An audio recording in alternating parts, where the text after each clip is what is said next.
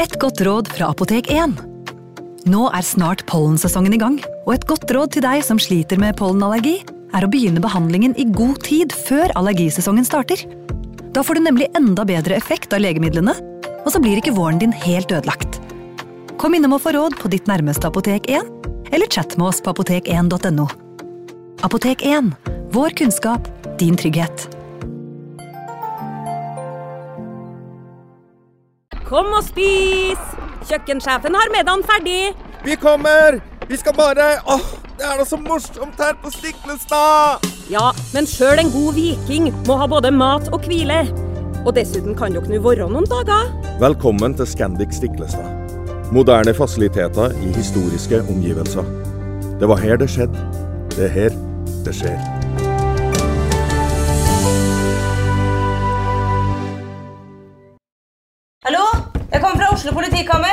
Ine Jansen er purk. Er du purk? The motherfucking bitch. Alt jeg vil, er å finne ut hva som skjedde med mannen min. Jon Carew. Er jeg sikta for noe? Iben Akeli. Det er du. Ole So, Lars Berrum og Big Daddy Karsten. Hvem sin side er du på, egentlig? Anette Hoff, Tone Danielsen, Kommer du fra Afrika? Jørnis Josef, Nesten kløfta. Trond Espen Seim, Det er synd å si det, men det var feil mann som døde. Purk. Premiere tirsdag på TV2 Play. Advarsel. Historien du nå skal få høre, er basert på virkelige hendelser og inneholder flere grafiske skildringer av vold, drap og tortur. Vi advarer mot sterke inntrykk i deler av episoden.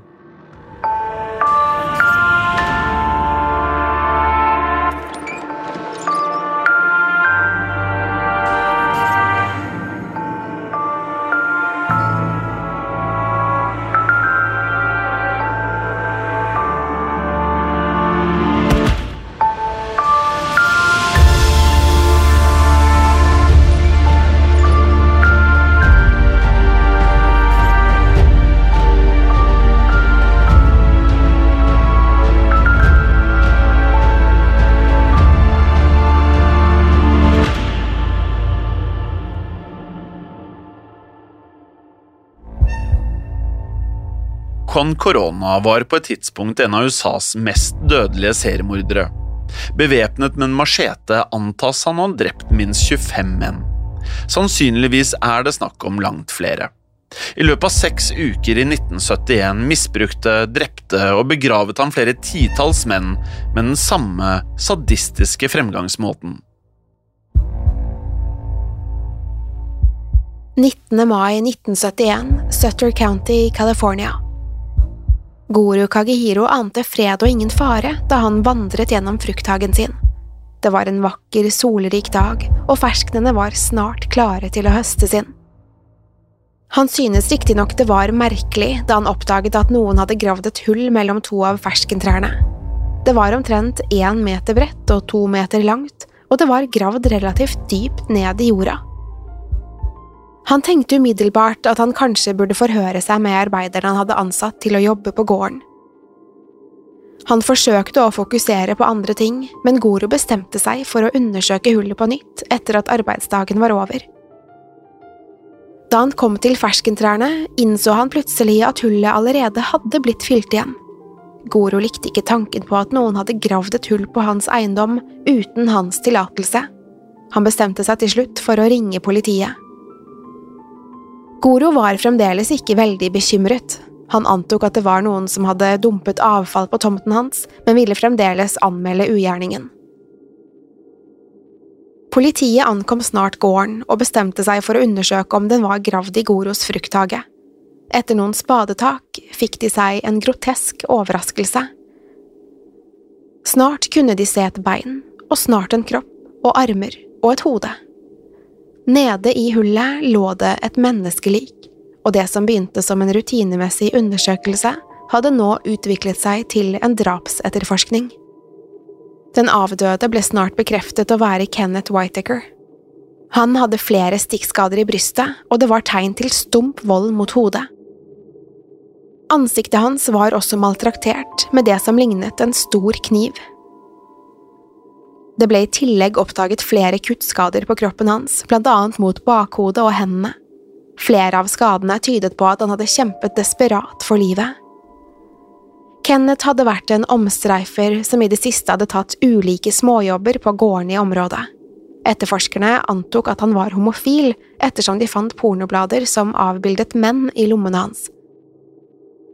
Han var fullt påkledd, men dette utelukket ikke at det kunne ha vært et seksuelt motiv bak drapet.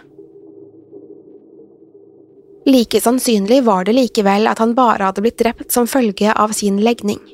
Det var fremdeles mange fordommer mot homofile menn i California på begynnelsen av 70-tallet.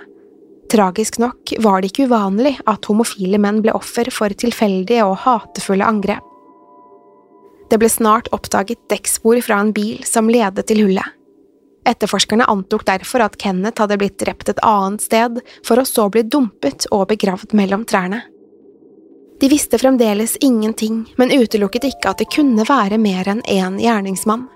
Kanskje hadde de forgrepet seg på offeret, for å deretter drepe han på brutalt vis. Utover dette hadde de ingen teorier om hvem som sto bak drapet. Politiet antok at det var et tilfeldig drap, og regnet med at det ikke var noen tidligere relasjon mellom offeret og morderen. Dette ville gjøre det vanskeligere å komme til bunns i saken, og de brukte få ressurser på etterforskningen.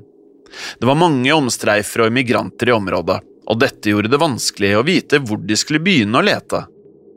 Det ble aldri fastslått om Kenneth hadde blitt seksuelt misbrukt til tross for at han ble undersøkt av rettsmedisiner. Han kunne riktignok bekrefte at mange av skadene ble påført etter Kenneths død.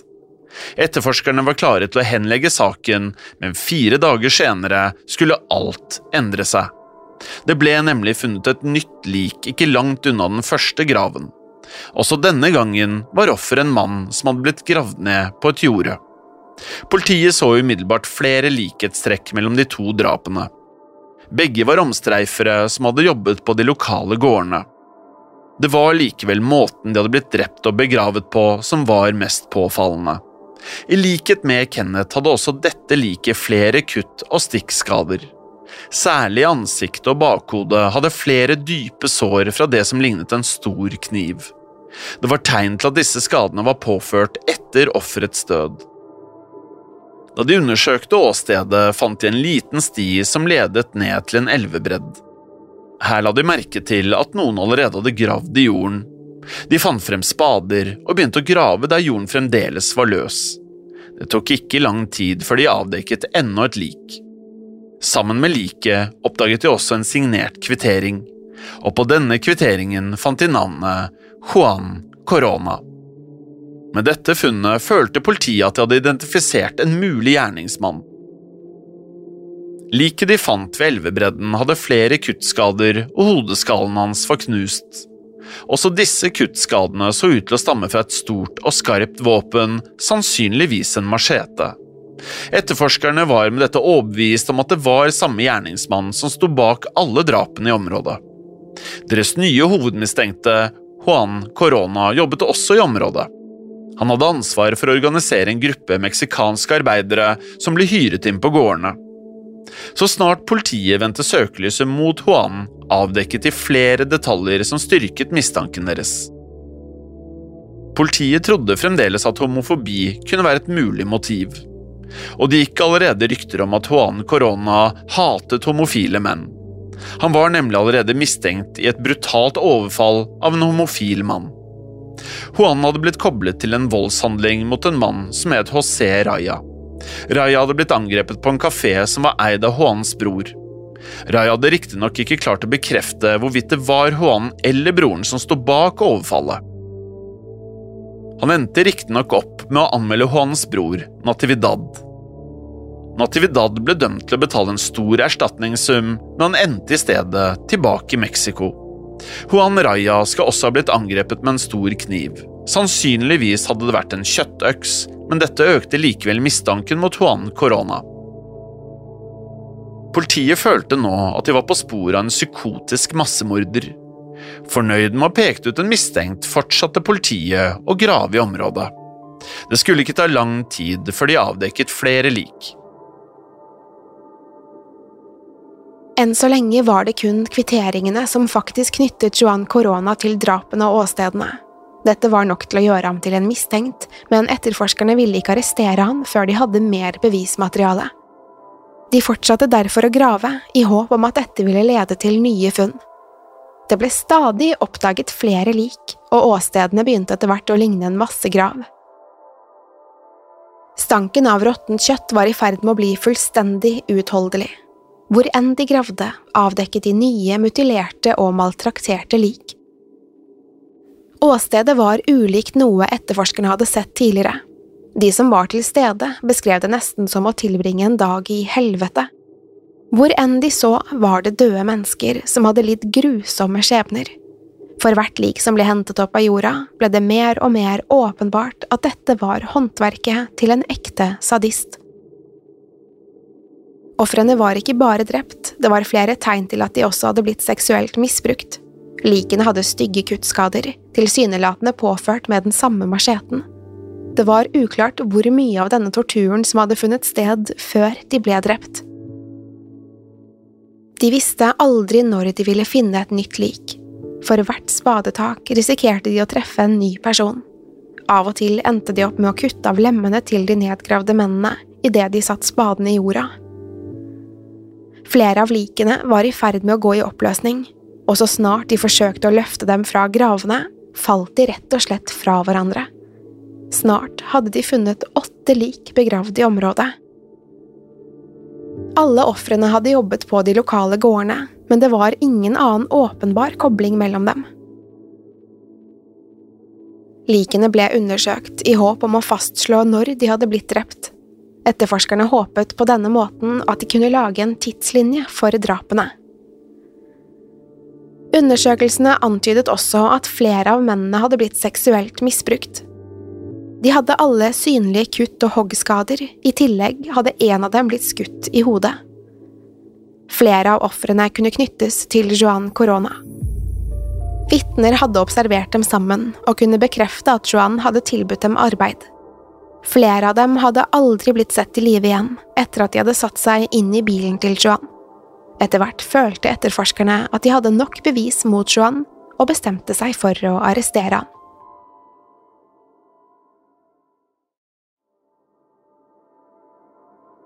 Juan Corona ble født i Mexico den 7. februar 1934. Han kom fra fattige kår, og foreldrene slet med å forsørge Juan og hans ni søsken. Kun 16 år gammel bestemte han seg for å prøve lykken i USA. Han krysset grensen og begynte å jobbe på ulike gårder i California. Her plukket han frukt og grønnsaker i et forsøk på å tjene til livets opphold. Det var riktignok flere utfordringer på veien for Juan. Sutter County ble rammet av en dramatisk flom som tok livet av hele 38 mennesker. I etterkant av dette hevdet Juan at han kunne se gjenferdene til de som mistet livet hvor enn han gikk. Etter hvert utviklet dette seg til alvorlige vrangforestillinger. Juan begynte å tro at han selv hadde dødd i flommen, og at han nå var en del av de dødes rike. Som følge av dette begynte han å lese Bibelen daglig i håp om å finne svar i tekstene. Dette var begynnelsen på en periode med alvorlige psykiske problemer for Juan, og han ble etter hvert diagnostisert med paranoid schizofreni. Han ble stadig verre, og i 1956 ble han tvangsinnlagt på en psykiatrisk klinikk. Det var halvbroren hans Natividad som først forsto at Juan trengte profesjonell hjelp. Etter å ha mottatt elektrosjokkbehandling ble Juan friskmeldt og skrevet ut av klinikken. Han ble deportert og tilbrakte de neste årene i Mexico her giftet han seg for andre gang, og i 1962 returnerte han til USA.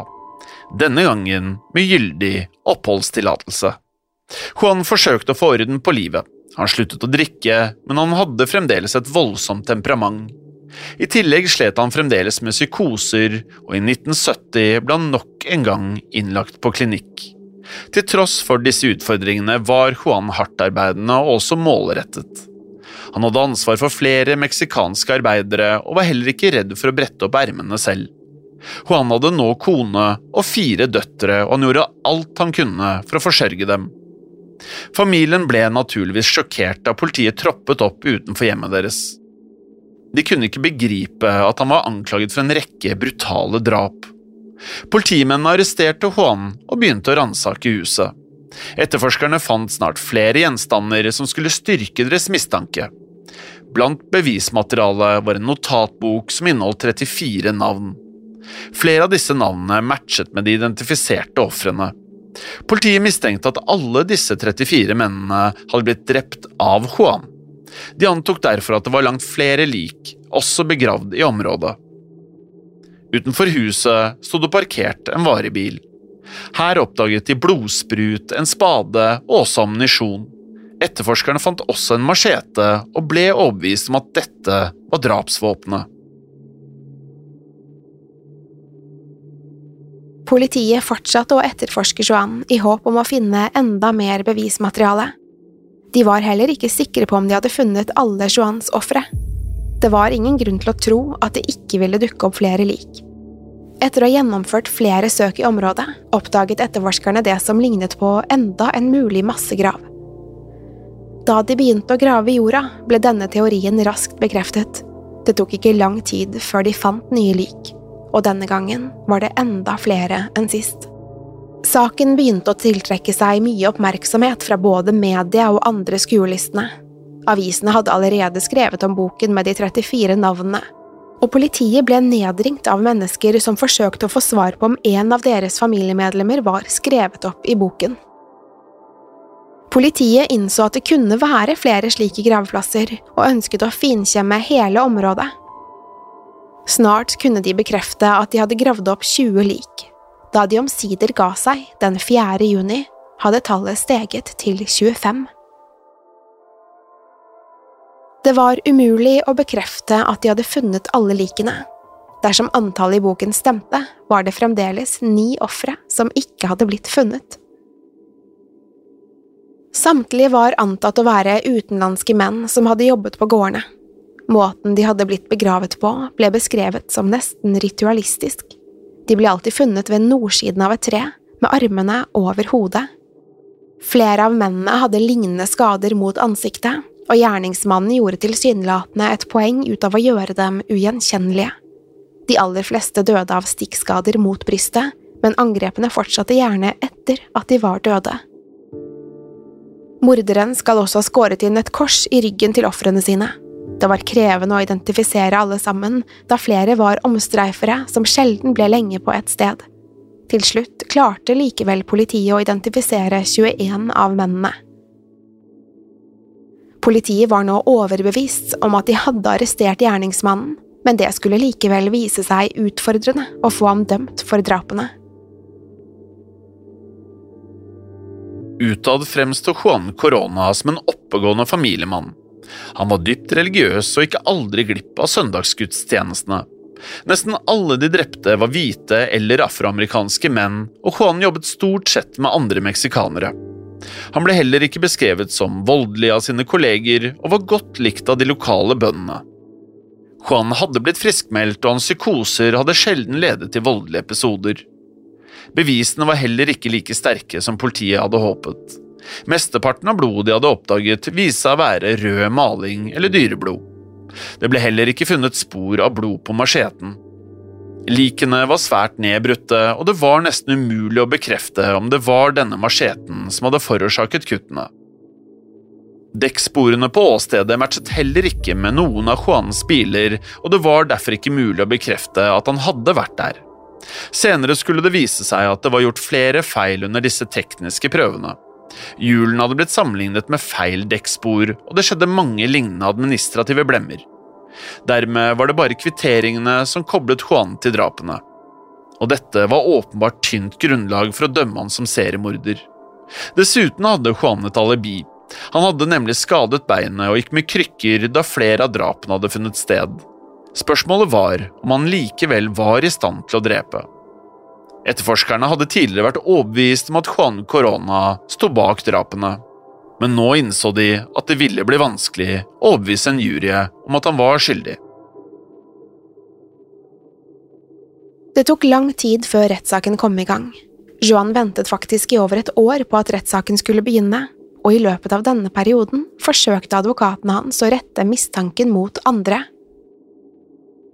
Politiet hadde aldri hatt noen andre i søkelyset, men forsvarsadvokatene foreslo likevel at Johan var uskyldig.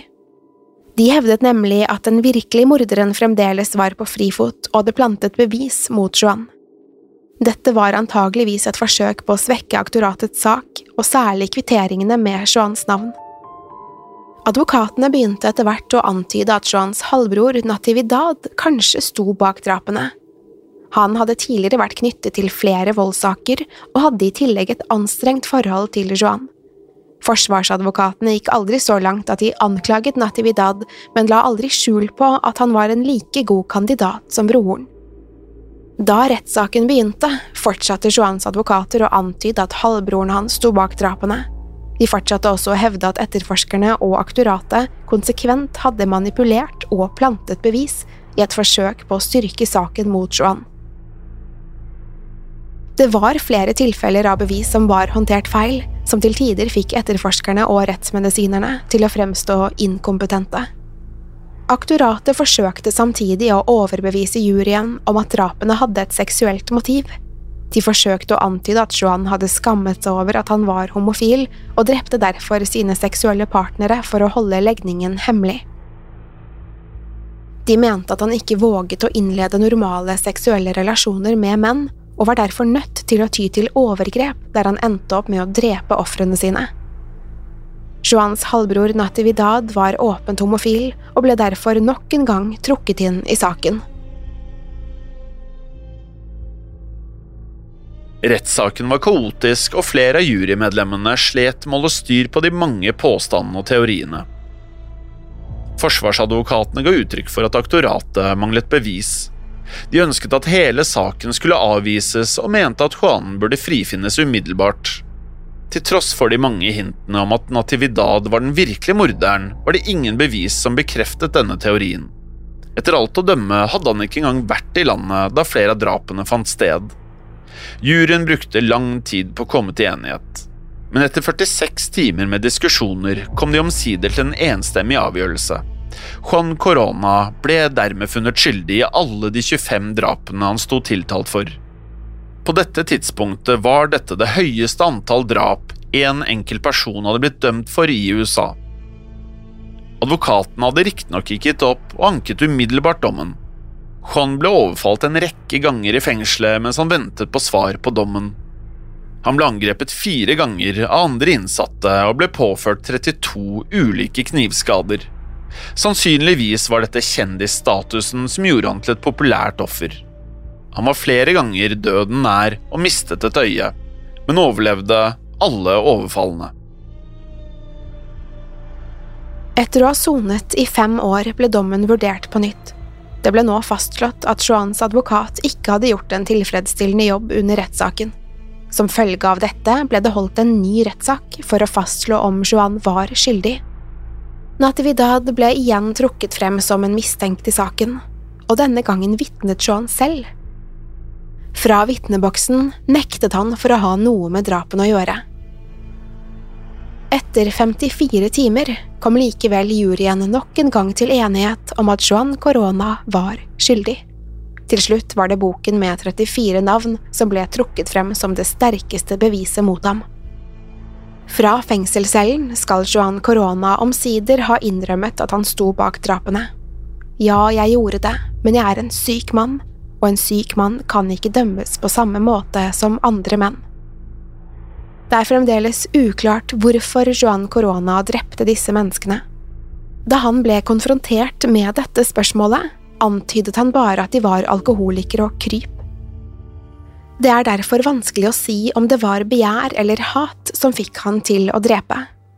Juan Corona søkte flere ganger om prøveløslatelse, men fikk forespørselen avvist hver gang. Han satt derfor fengslet helt frem til sin død i 2019. Han ble 85 år gammel. Vi skriver machetemorderen Juan Corona inn i vår bok av syndere.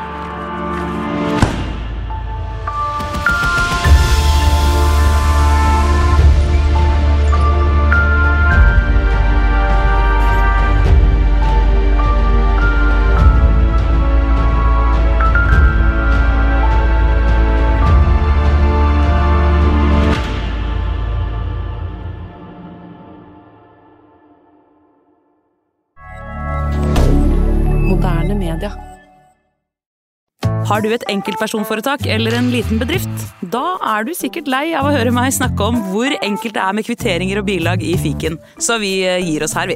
Fordi vi liker enkelt. Fiken superenkelt regnskap. Kiwi er billigst i VGs matbørs og har vært billigst i fire av de fem siste VGs matbørser. Og nå presser vi prisene på frukt og grønnsaker. På 200 gram broccolini setter vi prisen til 24,90. På 400 gram Cevita blåbær setter vi prisen til 49,90. Og husk, alle Kiwi Pluss-kunder får i tillegg 15% trumfbonus på all fersk frukt og grønt. For det er vi som er prispresserne. Og vi i Kiwi gir oss aldri på pris.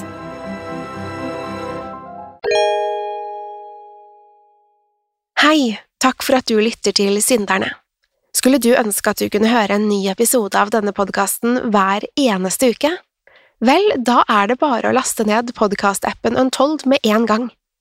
I tillegg til ukentlige episoder av podkaster som Skrekkpodden, True Crime-podden og Henrettelsespodden får du masse annet reklamefritt og eksklusivt innhold.